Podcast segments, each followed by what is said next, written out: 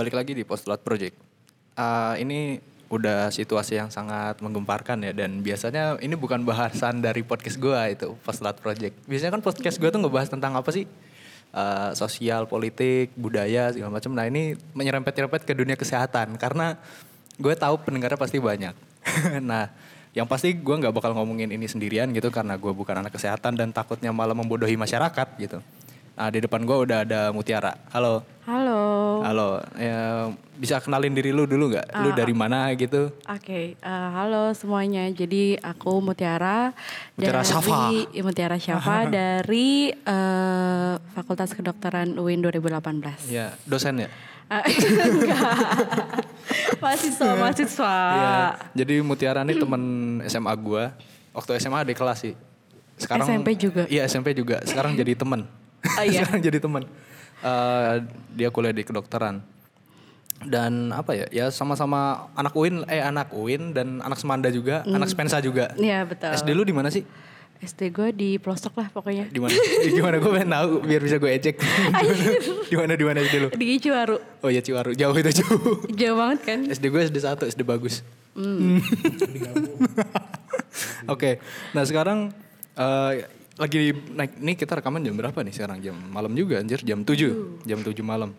Eh, nih kita mau ngebahas tentang isu yang sekarang lagi naik-naiknya nih, ya isu corona gitu. Iya, corona. Seka- eh, kemarin tadi barusan banget gue dapat info dari Kumparan kalau per jam 6 sore tadi itu udah ada 127 sekarang. Naik ya, Naik. sudah nambah lagi. Nambah berapa tuh? Sebelumnya kan 90-an berapa kan kemarin. 96. Sekarang nambah 21 orang jadi 127-an Heeh. dari kumparan. Nah, ini mungkin masyarakat masih banyak yang menanya nih gini. Kenapa corona tuh apa sih sebenarnya tuh? Corona ya. Ya, Eh, kalau coronavirus itu eh, itu adalah kelom, apa ya keluarga salah satu keluarga virus yang eh kenapa dia awalnya disebut corona itu karena memang dari bentuknya dari bentuknya tuh dia eh, lingkaran gitu kayak crown kayak kayak mahkota gitu bentuknya mahkota. Mm-mm, itu makanya eh, makanya kenapa dia disebut eh, coronavirus dan sudah ada eh, sebelumnya sebelum eh, COVID sekarang COVID-19 kan eh, COVID-19 sekarang itu waktu tahun 2003 sama 2000 sebelum 2012 ya itu ada SARS dan MERS. Ya, SARS dan nah, MERS, eh, itu juga mirip-mirip sama corona sekarang miripnya gitu. di mana tuh miripnya? Jadi kalau secara genetik tuh mereka memang secara eh, genetik nih gue ah, udah iya. merasa orang bodoh nih gue udah merasa orang apa itu Ya, genetik? gue juga ser- gak terlalu ini sih ya. Tapi kalau yang gue tahu gitu, eh, ya secara genetik tuh memang eh, virus corona, SARS, MERS dan COVID ini memang hampir mirip, tapi eh, mereka tetap berbeda gitu dari strainnya, dari eh, apa namanya protein-protein lalalanya gitu lah ya. Nah terus, mm, tapi secara umum gitu untuk eh, menyebabkan gejalanya atau output dari si virus itu tuh hampir sama gitu. Karena dulu kan namanya SARS itu kan severe acute eh, respiratory syndrome kan itu eh, apa ya penyakit penyakit eh, mengalami sistem respirasi gitu itu kan Respirasi itu gejala-gejalanya apa? Pernapasan? ah ya pernapasan gue masih pinter di sini. gue masih pinter di sini. Ya, oke, sampai sini pernapasan, sampai sini gue masih pinter. Ya, Eh, itu gejalanya itu kan gak jauh-jauh dari eh, sesak napas Hmm, gitu, terus eh, demam gitu kan, sama eh, kalau apa namanya gejalanya COVID-19 juga sekarang kayak gitu kan. Eh, Hmm. Jadi dulu, eh dulu lagi, eh, waktu sekitar bulan Desember kemarin Desember akhir 2019 itu kan ada laporan dari WHO atau eh, ya WHO Cina itu Hmm. kalau ada kasus pneumonia yang etiologinya itu nggak diketahui gitu. Etiologinya tuh apa? Nah, etiologi itu Apa itu? penyebab penyebab. Oh, penyebab. Ah, iya. Ya. Jadi pneumonia itu kan kasus pneumonia. Nah, ada tiga gejala pneumonia itu eh, gejala khas ya. Pertama ada demam, terus batuk pilek dan juga ada sesak napas. Nah, itu eh, ada pasien di sana gitu yang dia eh, penyakitnya gejalanya seperti itu, tapi eh, dari penyebabnya itu nggak diketahui gitu. Maksudnya nggak bisa diidentifikasi kan biasanya penyebab-penyebab pneumonia itu eh, ada namanya bakteri-bakteri kayak Streptococcus pneumonia gitu-gitu itu? kan. kayak gitu kan. Nah, kalau ini tuh dikira tuh kayak Pneumonia itu apa? Pneumonia itu apa? Pneumonia itu nama penyakit. Oh, nama penyakit. Nah, Hmm. dengan trias pneumonia tadi gejalanya tiga yang tadi demam, batuk pilek dan sesak napas. Nah itu eh, kalau misalkan pneumonia yang udah ada gitu kan itu penyebabnya bisa karena bakteri, bisa karena jamur juga, bisa karena virus juga gitu kan. Nah kalau eh, kan yang udah diketahui itu ada bakterinya macam-macam lah, virusnya macam-macam. Nah waktu yang di Wuhan Cina itu ada laporan pen- ada kasus pneumonia tapi penyebabnya tuh gak tahu gitu apa gitu. Maksudnya virusnya tuh baru gitu kan, ada strain baru lagi gitu dari virus. Nah ternyata setelah diselidiki, setelah dipelajari lagi itu ternyata coronavirus yang jenis baru gitu. Jadi coronavirus tuh eh, apa ya family of virus gitu. Jadi Family kalau virus. Berarti sebelumnya ini udah pernah ada kasus sejenis iya, dong sebenarnya. eh, apa ya kayak kalau taksonomi kayak urutan Apa itu taksonomi? Hmm. ah, apa namanya urutan kingdom gitu-gitulah Oh, iya, pokoknya iya, iya. genus gitu-gitu. Ah. nah itu tuh Itu gua masih paham. Itu SMP nah, ada. Itu, Itu SMP ada. Itu buat kalau virus juga sama gitu ada kayak gituannya gitu. Oh, Terus iya, iya. eh, coronavirus tuh semacam family of virus gitu. Hmm, nah, tapi pertanyaannya gini, kenapa Hmm. ini mungkin pertanyaan dasar juga sih, kenapa coronavirus itu COVID-19 ini tuh Hmm. baru ditemuin sekarang gitu? Kenapa nggak mungkin dari dulu-dulu itu Ah. apa udah ada gitu? Apa gimana sih? Uh, kalau kenapa ditanya kenapa baru uh, ininya sekarang ya Hmm. kalau ditanya kayak gitu sih gue bingung sih jujur gue bingung Hmm. jawabannya kenapa gitu tapi mungkin karena apa ya itu kan covid-19 ini termasuk penyakit yang zoonosis di mana Apa itu uh, zoonosis? itu zoonosis itu penyakit yang tertular dari hewan gitu dari Hmm, hewan iya, ke iya, manusia iya, iya. nah jadi dia harus uh, istilahnya dia hidup di hewan habis itu hewan itu menularkannya ke manusia gitu yang Hmm. sebenarnya pada awalnya virus-virus tersebut itu gak bisa menularkan manusia maksudnya menular ke manusia itu nggak bisa menginfeksi manusia itu Hmm, nggak bisa gitu tapi karena ada perantara hewan ini jadi dia bisa gitu karena si manusianya misalkan makan hewan tersebut Oh, atau kontak berinteraksi dengan nah dengan ya. kontak dengan hewan tersebut karena kan kita- Akhirnya si virus ini jadi terbiasa dekat manusia, Ah. akhirnya dia bisa masuk. Ya, Gitu. karena bisa ya bisa bisa menginfeksi manusia Oh, juga iya, iya, gitu iya, pada iya. akhirnya gitu. Mungkin eh apa ya kenapa eh, dulu gak ada tuh mungkin mungkin karena mm, manusianya Tolol. atau Virusnya tolol. Virusnya Apa ya? tolol. Eh gak tahu juga sih mungkin mungkin dari dulu itu virus sudah ada kali ya Hmm. gitu dari dulu udah ada tapi tapi ya itu nggak nggak menginfeksi manusia karena eh, manusianya kontak dengan hewannya itu kan kurang. Kalau sekarang kan mungkin eh, apa ya banyak manusia yang sering melakukan rekayasa genetik lah apalah itulah gitu kan. Maksudnya Iya, iya. dengan segala teknologi yang ada gitu. Terus juga eh apa kan di Wuhan juga yang banyak eh, banyak kasus yang terlapornya itu terjadi pada orang-orang yang eh, memang pekerja di eh, pasar hewan. Oh ya, yang di sana Nah, kan ada budaya makan anjing, Nah, segala gitu macam kan. ya. Itu kan eh, Makan kelelawar. gitu. Iya itu kan apa namanya ya memang terbukti dari hewan gitu Hmm. kan. Terus kalau SARS sama MERS juga kan kalau SARS itu dari aku takut kebalik deh. SARS itu dari unta ya kalau salah. Kalau MERS itu dari kucing kucing, Kucing luwak. Oh, Ah. oh luwak, iya ya. Hmm. Iya, iya. Itu aku takut kebalik di antara dua itu. Pokoknya itu juga dari dari hewan itu kan. Dan terus eh, kalau kalau yang COVID ini sampai sekarang juga nggak tahu sih tepatnya dia dari hewan apa gitu. Dan Tapi kan kalau berita yang tersebar kan dari itu kan Dari kelelawar ya? kelelawar, Nah, anjing iya. segala macam. Nah bisa jadi gitu kan karena memang ya itu eh, banyak banyak apa banyak virus-virus sebenarnya di hewan makanya kenapa Islam juga kan dalam Islam juga Wah ini anak melarang nih, gitu ini kan. anak Winbat. anak gue nggak salah ngundang ini, anak Winbat. Iya. Tapi gini berarti kalau misalkan mungkin oke mungkin uh, misalkan virus COVID-19 ini udah ada di hewan gitu sejak lama, tapi karena beriringnya waktu manusia sering berinteraksi dengan hewan, akhirnya virus ini jadi terbiasa dan akhirnya masuk ke dalam tubuh manusia kan gitu. Iya. Berarti ada kemungkinan virus-virus sejenis lagi nggak sih yang semodel kayak gini nih? bisa mungkin Bisa aja ya.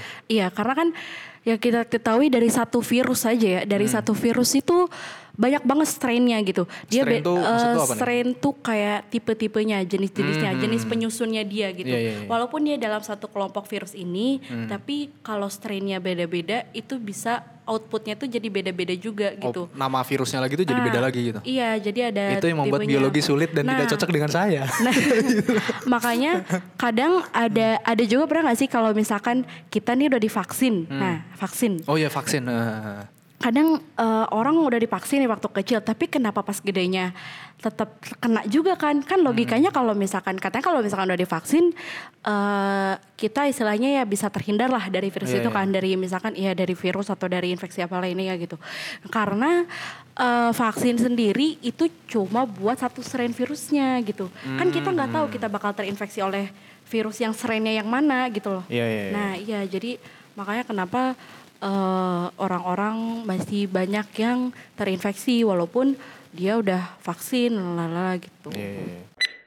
Oke, balik lagi. Tadi baterainya sempat habis, sorry. Mungkin lu juga ngerasa keganggu tadi. Nah, ini lanjut. Tadi kan tentang vaksin nih. Tadi lu ngomong tentang vaksin, nah berarti kalau misalkan kita udah divaksin terus penyakit itu bisa muncul lagi gitu. Fungsinya vaksin sendiri berarti apa? Nah, untuk fungsinya vaksin sendiri itu kan ibaratnya gini, eh, kita kan punya sel imun ya dalam tubuh kita gitu. Nah, vaksin sendiri itu kan isinya memang virus atau bakteri yang dilemahkan atau eh, yang udah mati gitu. Nah, tujuannya biar dia tuh apa ya? Eh, kenalan gitu sama sel imun kita gitu bahasa bahasa Kasarnya. ya mm. Nah. dia kenalan sama sel imun kita terus sel imun kita jadi tahu nih Oh, jadi resist gitu mm, dengan- Nah, jadi jadi nanti seumpama misalkan kita terpapar virus atau bakteri itu lagi, sel Nah. imun kita udah tahu gitu. Maksudnya udah punya memori lah gitu.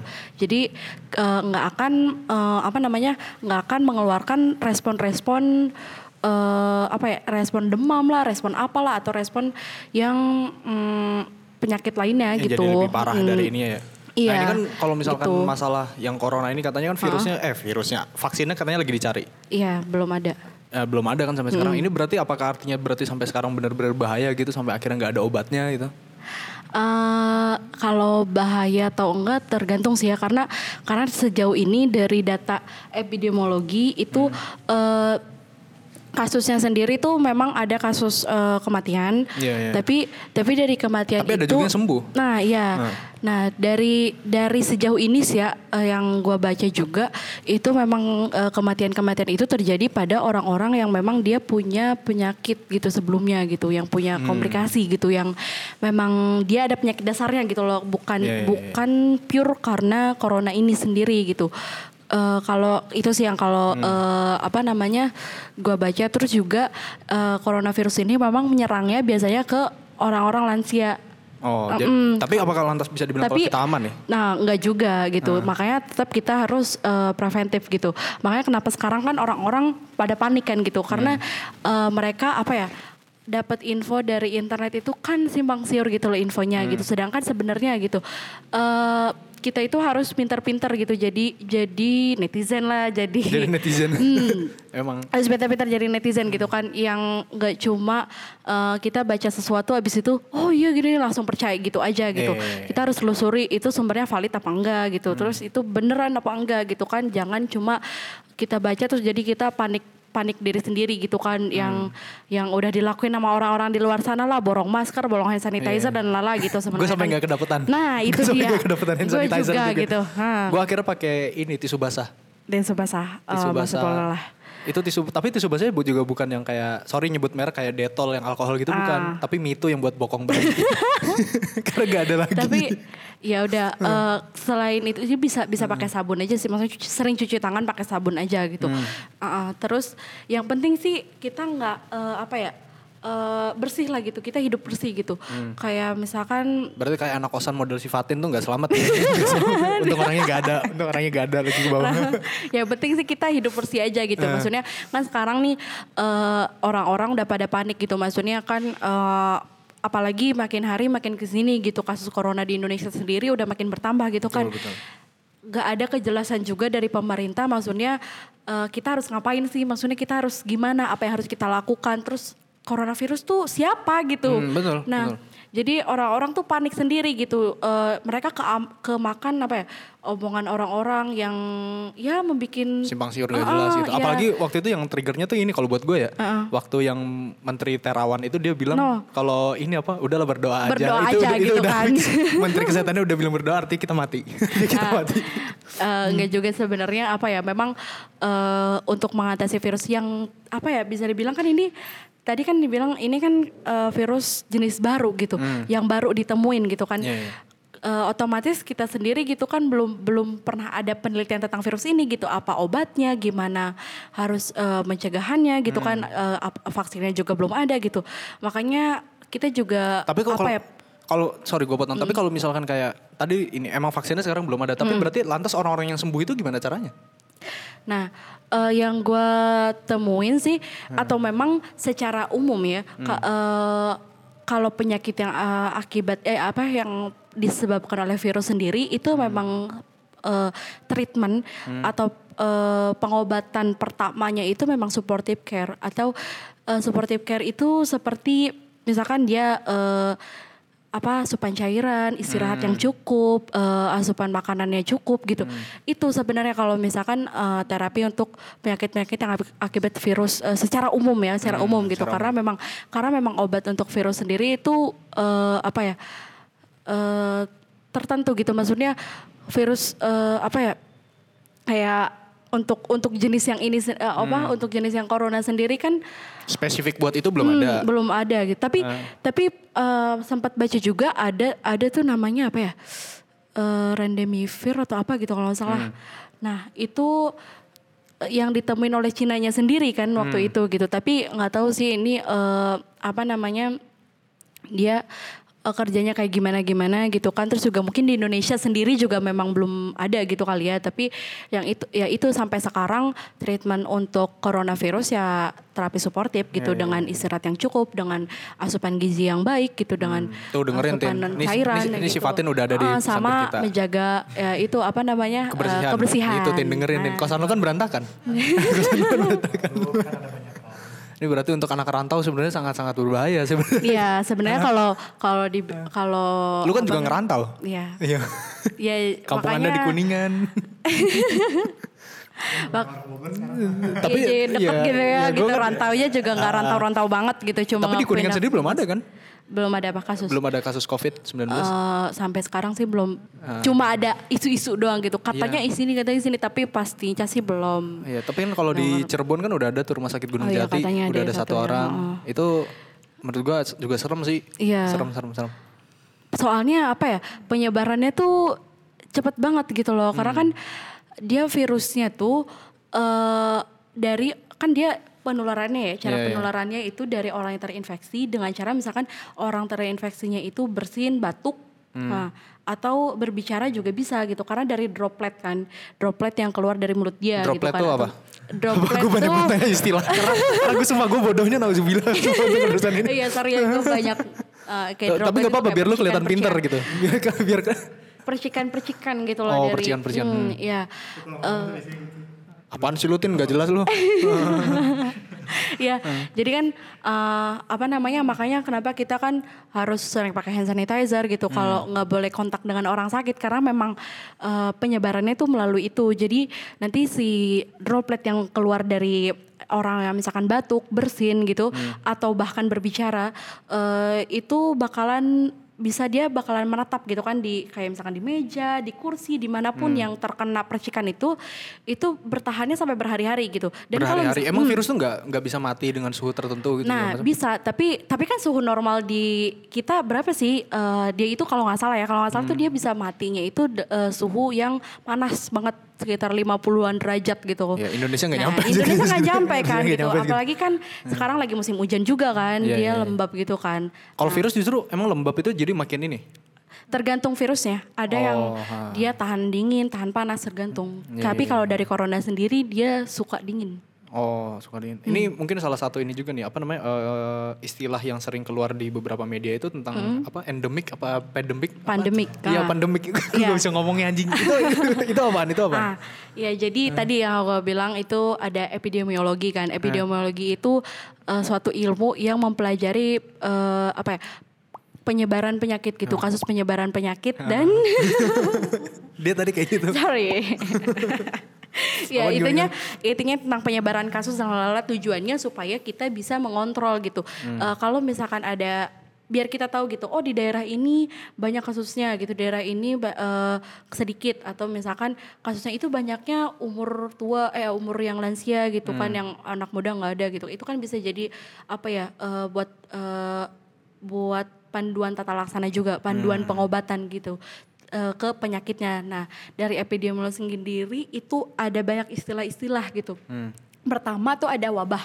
Nah, jadi wabah. Wabah. Oke, Nah, itu iya. pengertian penting kayaknya. Wabah Nah. itu apa berarti wabah? Eh, wabah itu eh, apa ya? Jadi adanya kejadian eh, kasus yang eh, apa ya? Dia terjadi di suatu kalangan atau suatu komunitas yang eh, di mana yang disebut wabah itu pertama kalau misalkan dia udah lama penyakit itu tuh nggak menjangkiti masyarakat, nah tiba-tiba eh, dia apa menjangkiti masyarakat lagi dan dia penyebarannya cepat gitu dan luas. Hmm.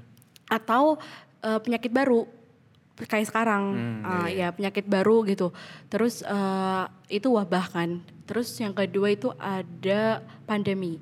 Nah pandemi itu adalah eh, dia apa ya eh, kasus yang eh, udah berpengaruhnya itu nggak cuma satu komunitas doang, tapi di berbagai negara gitu. Jadi ini merupakan urusan seluruh negara gitu yang terjangkitnya itu bukan cuma satu wilayah doang gitu. Tapi kan sekarang kan kasus kasus COVID-19 kan udah disebut pandemi kan. Karena memang sudah Udah lintas menyerang. negara macam. Heeh, menyerang lintas negara gitu. Terus ada juga endemi.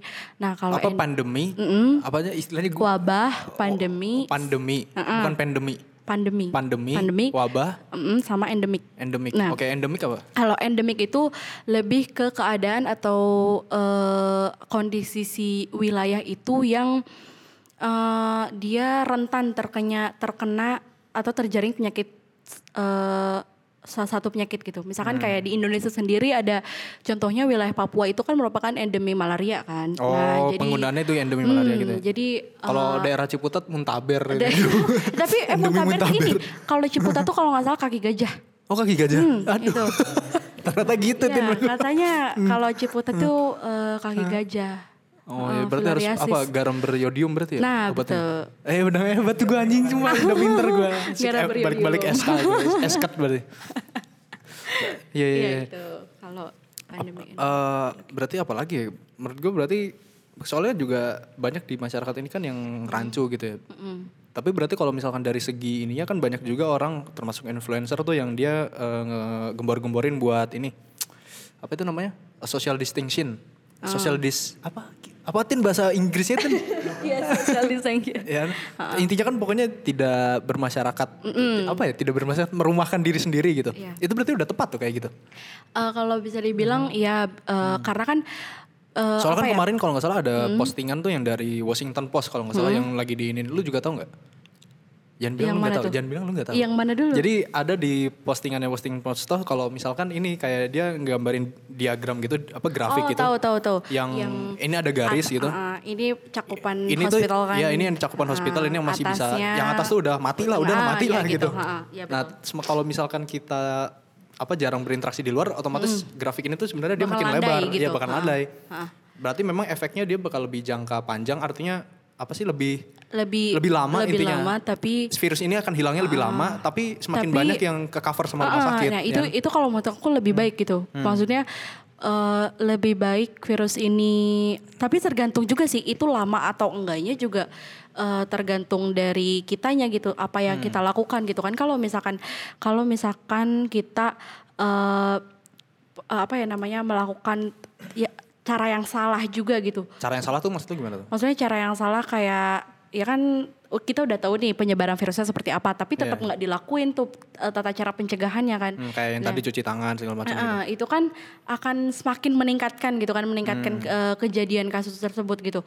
Nah, kalau misalkan eh, apa namanya itu diperlebar gitu kan, apa Hmm. sih kurvanya jadi makin lebar dan eh, jadi lebih lama juga Iya.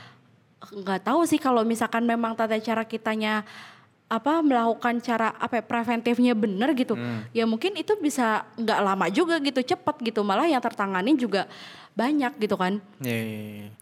nggak nangkep ya Enggak, gue nangkep, gue nangkep. Patin, Patin nangkep jelas. Gue setengahnya dari Patin. Fatin kan anak fisika. Logikanya mestinya lebih pinter kayaknya gitu. kayaknya. Tadi gue soalnya lihat juga status-status orang kan. Iya banyak yang nge-share itu kan, banyak yang share Hmm, yang banyak yang nge-share itu. Washington Post itu. Ya intinya itu kan ya itu kan digambarin kan di situ grafiknya gimana sih kalau misalkan tuh orang pada berjalan-berjalan gitu kan Iya, semakin iya, banyak ha. yang terkena, semakin banyak yang ya mungkin kasus kematian juga mungkin akan meningkat gitu kan. Uh, terus kalau misalkan gimana tuh kalau misalkan orangnya uh, mengurangi aktivitas mereka gitu kan? Dengan diem di rumah dan itu itu kalau menurut aku memang lebih baik gitu kan? Karena seperti yang kita tahu uh, penularannya sendiri tadi lewat lewat droplets kan? Kita nggak tahu uh, bisa aja gitu orang ini memang sebenarnya terinfeksi tapi dia tidak menunjukkan gejala. Itu juga ada orang seperti itu. Karena biasanya orang yang uh, terinfeksi itu baru memunculkan gejala itu setelah 2 sampai lima hari. Ah, Gejalanya keluar tuh. Mm, baru baru gejalanya Ini gue atau sampai nyari, bahkan 2 gue, sampai gue sampai 14 nyari hari. social distancing. gue sampai nyari astaga, sumpah spelling gue jelek bet. Nah, iya eh, bahkan maksudnya tuh kita tuh terinfeksi nggak langsung munculin gejala gitu. Hmm. Itu dalam beberapa hari gitu karena virus sendiri punya masa inkubasinya. Inkubasi punya itu- masa apa ya? Istilahnya iya di di dalam tubuh kita melalui respon lalala, respon imun kita adalah segala Hmm. macam itu butuh waktu gitu. Nggak langsung kita terinfeksi terus langsung mengeluarkan gejala itu enggak gitu. Hmm. Jadi butuh waktu gitu. Makanya ada bisa juga gitu. Mungkin sebenarnya seorang itu eh, terinfeksi gitu, terinfeksi gitu, tapi dia belum menunjukkan gejala Simptom- gitu. simptomnya belum keluar ya. Tuh, iya, istilah bahasa Inggris, asimptomatik. Nah, simptom. itu. Ada bisa dibilang kalau bahasa itunya asimptomatik. Asimptomatik tuh apa? Ya ciri-ciri itu gejala itu. belum, belum mengeluarkan gejala. Oh belum muncul gejala. Nah, Iya. itu kalau tapi justru kalau belum juga gitu. tapi kalau misalkan seseorang itu dia kena gitu misalnya kena tapi apa tadi bahasa lu asimptomatik. nah, asimptomatiknya nggak emang maksudnya ciri-cirinya tuh belum ada gitu itu justru semakin ini ya terus apalagi kalau orangnya acuh tak acuh segala iya, macam gitu. makanya. Makanya kan kita perlu adanya apa ya? Eh, preventif yang seperti ini tuh karena itu gitu takutnya itu ada orang yang belum menunjukkan gejala gitu tapi dia Hmm. memang sebenarnya sudah terinfeksi gitu kan itu juga kan bisa menginfeksi juga gitu kan Iya, iya, itu iya. malah lebih apa ya lebih istilahnya apa ya silent killer gitu Silent killer. Nah. Mantap. Ini istilah beren. ini, keren nanti judulnya silent killer.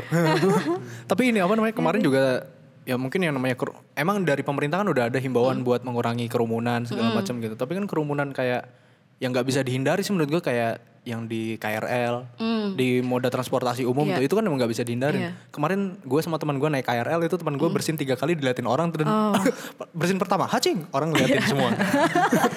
yang kedua bersin bersin kedua hacing orang udah pada melotot semua tuh hacing ketiga udah pada minggir semua Iya, ah, tinggal gue sama teman gue doang di KRL gitu astaga ini kayak apa ya udah kayak stigma sendiri sih Iya. maksudnya Jadi- soalnya jadi parno kan ya orang tuh Iya benar. Tapi eh, apa ya? Karena kita juga sebenarnya mungkin mungkin ya dari orang-orang luar juga bingung gitu. Kan kita juga nggak bisa gitu ngelihat dari eh, apa ya gejalanya gitu gejala yang terjadi itu apakah eh, dia bersin bersin memang positif coronavirus atau dia cuma flu biasa aja gitu kan yang yang udah biasa gitu yang normal kan. Kalau sebelum coronavirus kan kita bersin bersin batuk batuk Ya, juga. biasa aja ya gitu. biasa aja gitu kan bersin orang-orang. depan muka orang aja juga Eh, bercanda biasa aja gitu. Biasa aja gitu maksudnya orangnya nggak yang kayak marah banget gitu kan. Ah. kalau sekarang kan kita dalam eh, jarak itu aja aduh udah udah Udah parno ini gitu, kan, udah kayak, udah udah jauh-jauh aja. suspek nih udah suspek Ah, corona udah gitu kan. nah tapi ya itu balik lagi gitu kan kita juga nggak bisa nge, apa ya istilahnya nge ngejudge orang gitu eh, oh dia jangan-jangan dia suspek gitu ah gini-gini gitu. Nah, tapi tapi gitu eh, di sisi lain gitu memang memang kita eh, untuk sekarang gitu ya dalam kondisinya wagi, lagi wabah lagi pandemi kan gitu. Wabah. Mm-mm, lagi wabah gitu kan. Eh, berarti ini ya kalau itu lu, salah berarti satu kalau lu bilang wabah ini kemungkinan preventif. berarti bisa balik lagi dong? Bisa berarti maksudnya ini bisa akan hilang nih terus ntar ujungnya balik lagi gitu Oh, itu eh, tergantung juga sih. Eh, kan ada ada juga kan itu SARS sama MERS juga kan memang dulu Iya, iya. disebut wabah kan. Tapi Kalau kalau- yang kayak setahu gue juga kayak waktu dulu zaman penjajahan Belanda gitu. Seriusan ini kayak malaria tuh juga wabah loh disebutnya. ya kan? Malaria itu kan wabah juga. Heeh. Nah kalau misalkan nanti dia muncul lagi dengan eh, apa yang efeknya maksudnya nggak cuma satu orang dua orang gitu bisa kelumpulan orang bisa disebut wabah juga gitu. Iya, iya, iya. Ini terusnya apa ya? Gue juga pengen nyinggung masalah ini sih. Apa namanya sebenarnya? Kayak ini kan sekarang udah banyak nih social distancing. Eh, apa sih? gue salah ngomong mulu. Bentar gue cari lagi anjing cepet. Eh, pemerintah tuh kayak ngebuka buka buat pariwisata gitu. Maksudnya Iya, Nggak buka pariwisata. eh, iya. Jadi Lu ngomong pesawat pakai ini, Ki. Jadi tiket pesawat dimurahin Nah, segala itu. macem. Nah, itu. Itu malah ada memenya loh dari apa eh, jurnalis luar negeri. Jadi gue lihat di saat negara lain tutup gitu. Pada close, lockdown gitu kan, iya, pada lockdown. Indonesia malah doang. ngebuka ada memenya Jokowi. Oh iya benar. Ah. Nah itu gak tahu sih. Aku sebenarnya agak bingung juga sama pemerintah gitu ya. Eh, kenapa gitu? Kenapa enggak ngelockdown gitu loh, ngelockdown di. ya nggak usah. Bagus Firman. sebenarnya gini gini. eh, sebenarnya kan yang aku tahu itu di Cina sendiri gitu kan. Sekarang Cina udah mulai membaik kan. Dia udah mulai membaik sekali gitu kan. Kasusnya udah berkurang sangat drastis gitu. Di Indonesia lagi naik dengan nah drastis. kan. Kalau bisa dibilang tuh Indonesia tuh kena second wave kan eh, Iya, iya, iya.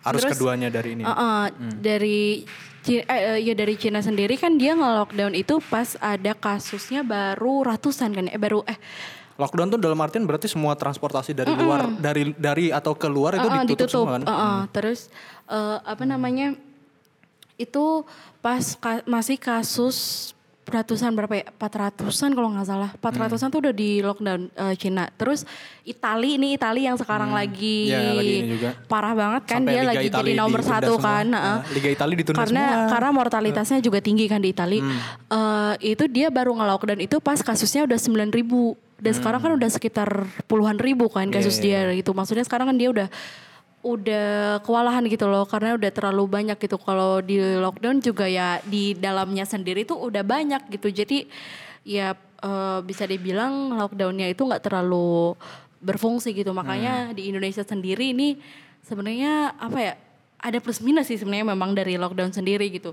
Tapi tapi ya kita ambil positifnya aja gitu. Maksudnya kan eh, dengan mengurangi aktivitas dengan mengurangi eh bukan mengurangi aktivitas ya. Mengurangi eh apa ya kegiatan-kegiatan yang eh, dilakukan banyak orang. Maksudnya eh, Konser, kerumunan gitu-gitu. dan meng- itu kan meningkatkan resiko tertular gitu kan. Jadi jadi ya kalau misalkan hal itu bisa dikurangi ya sekiranya penularannya juga bisa bisa Bisa dikurangi ditutup gitu. ya. Heeh. Iya, iya. Ini juga ini sempat tadi yang gue pengen singgung nih sebelum gue salah nyebut gitu social distancing. Nah, Hmm. Nah, dari gue udah nyebut bener distancing. menurut gue nih juga ini apa eh, tentang social distancing ini menurut gue isu yang dikembangkan itu sebenarnya cuman isu-isu orang kelas atas sih.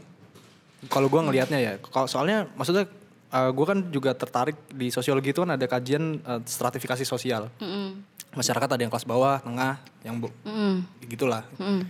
Nah gue tuh ngelihat kayak isu kesehatan itu dia masuknya isu kelas atas sih, middle up lah gitu. Mm-mm.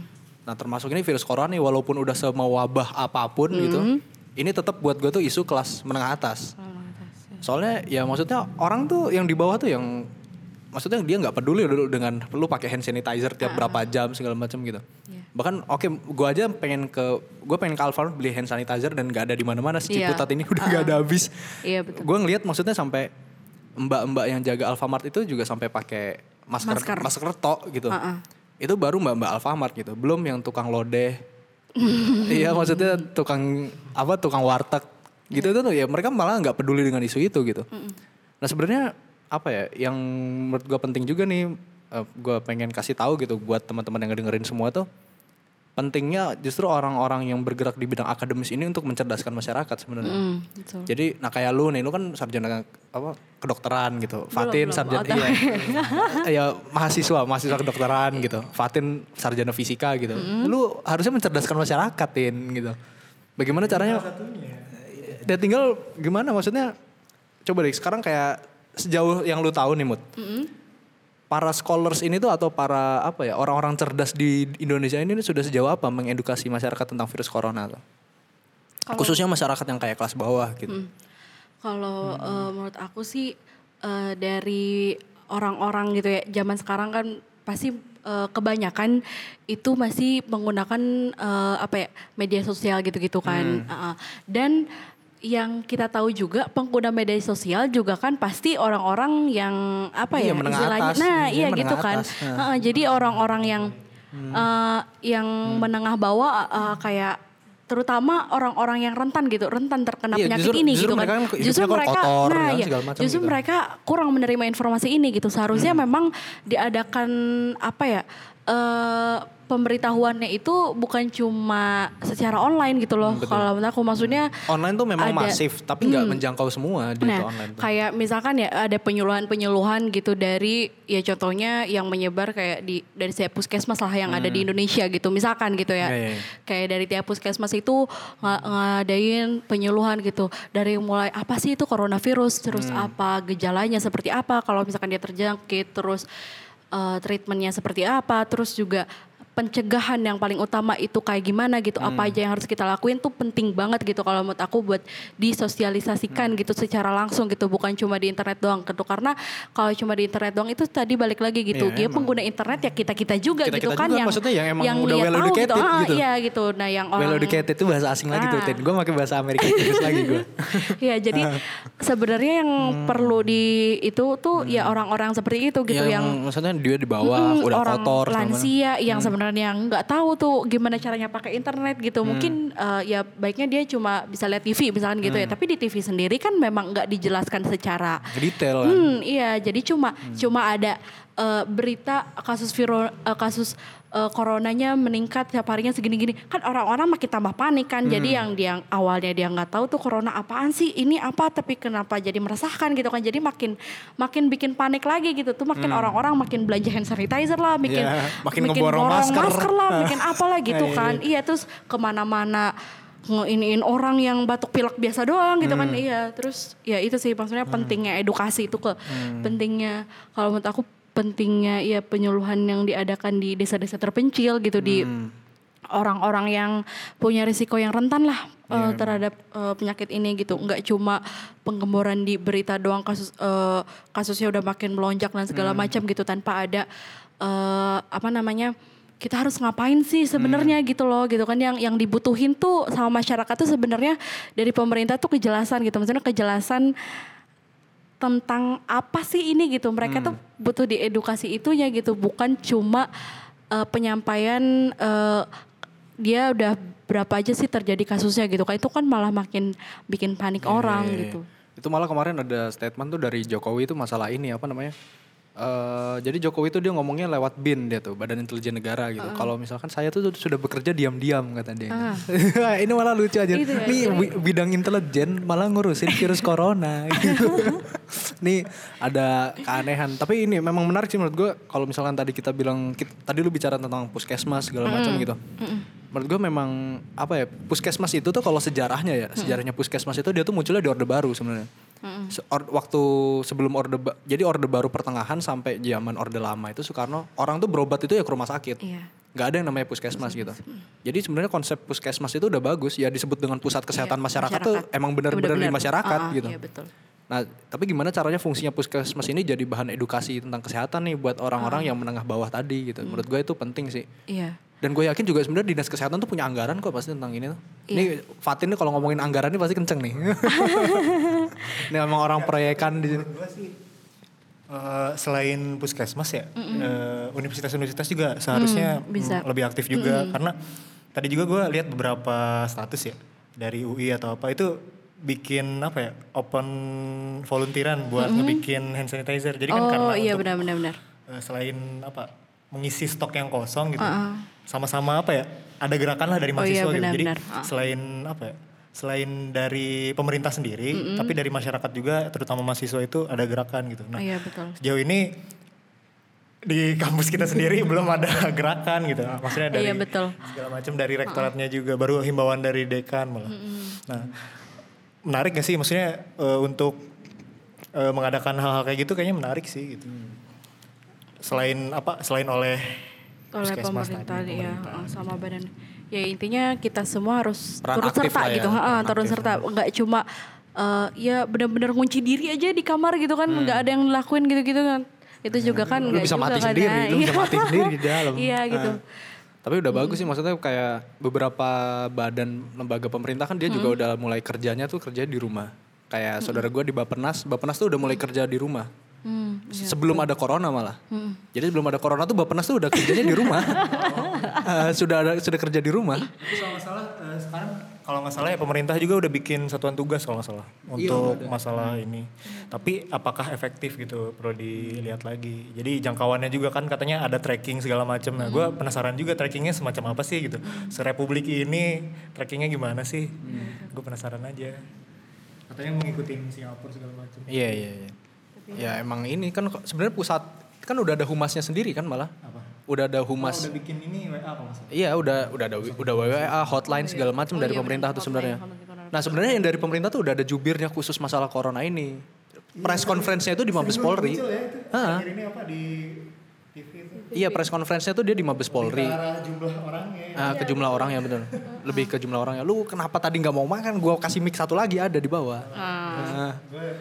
Oh nimbrung dikit aja. Iya iya iya. Jadi Fatin tuh gitulah. Dia tuh emang mahasiswa progresif hobi proyekan lah gitu. Jadi intinya eh, kayak gitu. Jadi ini mungkin ini yang terakhir nih. Ada mungkin saran lu gitu buat orang-orang awam gitu yang kita nggak yang benar-benar nggak teredukasi nih masalah kesehatan kayak Fatin dan gua nih.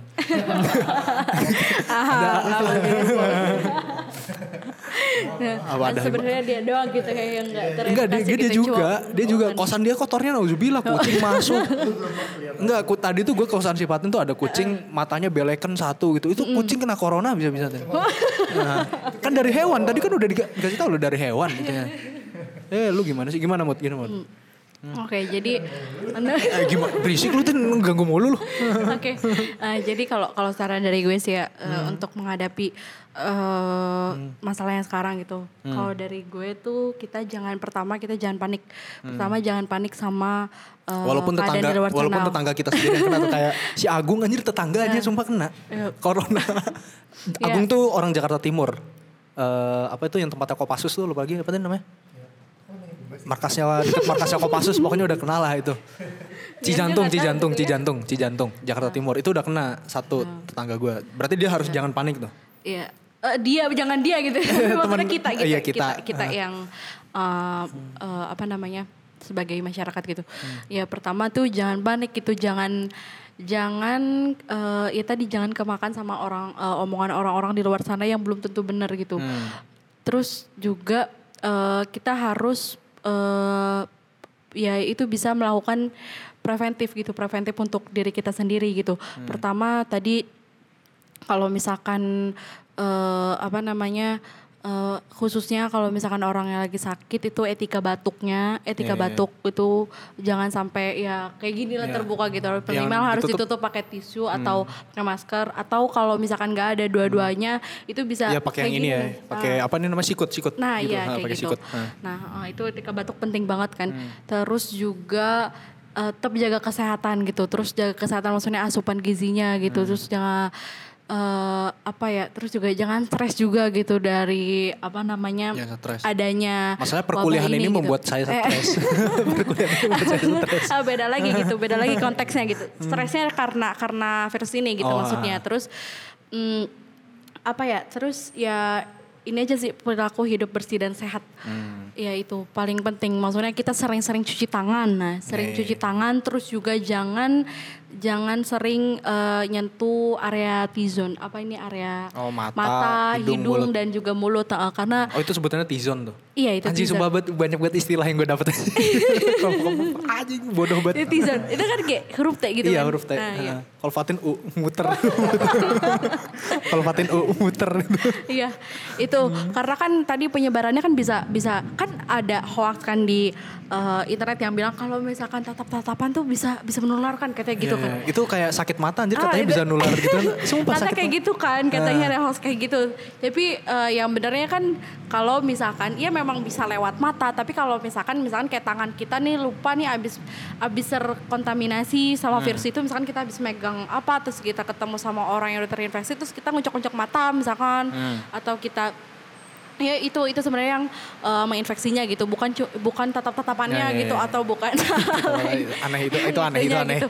Iya pokoknya yang penting sih apa ya? eh, terus juga kalau eh, baca sesuatu eh, di internet itu harus ditelusuri juga dari sumbernya gitu. Dia Hmm. valid atau enggak? Kalau cuma dari jurnal-jurnal, maksudnya kayak cuma dari artikel-artikel biasa juga perlu diwaspadai kayak eh, apa namanya dari media-media apa Ya, nggak jelas berita lah gitu. juga itu tuh masih perlu di itu lagi gitu maksudnya Hmm. perlu dikoreksi lagi itu benar atau enggak gitu karena kan ini masalahnya apa ya eh, kitanya jadi kalau misalkan udah panik kayak gitu kan jatuhnya tuh serakah egois gitu ke, ke diri sendiri gitu maksudnya Hmm. Iya. cuma oh, nggak mau nggak mau apa pun yang gue lakuin gitu yang penting gue selamat gitu yang penting gue aman gitu kan Iya, itu kan iya. jatuhnya jadi eh, kemanusiaannya jadi kurang gitu loh jadi Hmm. sebenarnya yang ngebunuh tuh virusnya atau kemanusiaannya gitu kan nah Ini malah bisa yang bunuh orang ke orang malah Nah bukan virus iya ke orang. jadi Nah. jatuhnya misalkan kayak masker aja nih jatuhnya Iya, masker. sama hand sanitizer itu kan udah langka banget kan atau enggak kalau misalkan ada orang yang sakit beneran Dan sakit butuh gitu dan gitu. memang butuh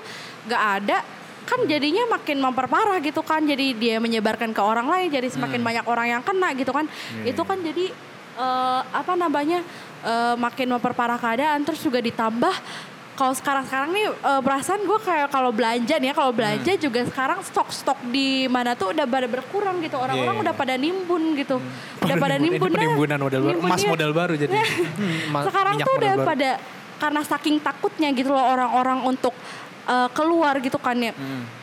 Maksudnya ada dibatasin juga eh, ada himbauan juga maksudnya untuk jangan terlalu banyak kegiatan di luar dengan banyak orang gitu kan jadi orang-orang mikirnya ah nyetok aja gitu yang banyak bla bla itu kan jadinya eh, mungkin dari orang-orang yang kalau misalkan orang-orang berada ya kalau orang-orang berada mah ya santai-santai aja gitu hmm. dia bisa beli banyak gitu kan gitu. tapi kan bagi misalkan bagi orang-orang yang menengah ke bawah gitu kan yang sebenarnya dia resiko terkena eh terinfeksi gitu loh terinfeksi ini kan lebih tinggi misalkan gitu ya Eh, mereka nggak punya kekuatan gitu buat buat ngelakuin itu semua gitu kan jadi ini kalau menurut aku kayak eh, nggak adil sih jatuhnya Jadi gitu malah orang ngebunuh orang ya, bukan Mm-mm. virus ngebunuh nah orang. iya gitu Iya, Ini Kalau gitu. kalau buat gue sih mungkin apa ya? Kalau dari gue sih mungkin ini sih memang sebenarnya langkah pemerintah tuh udah gercep sih kalau buat gue ya. Hmm. Udah ada apa hotline-nya, terus udah ada jubirnya Yap. khusus masalah corona ini gitu.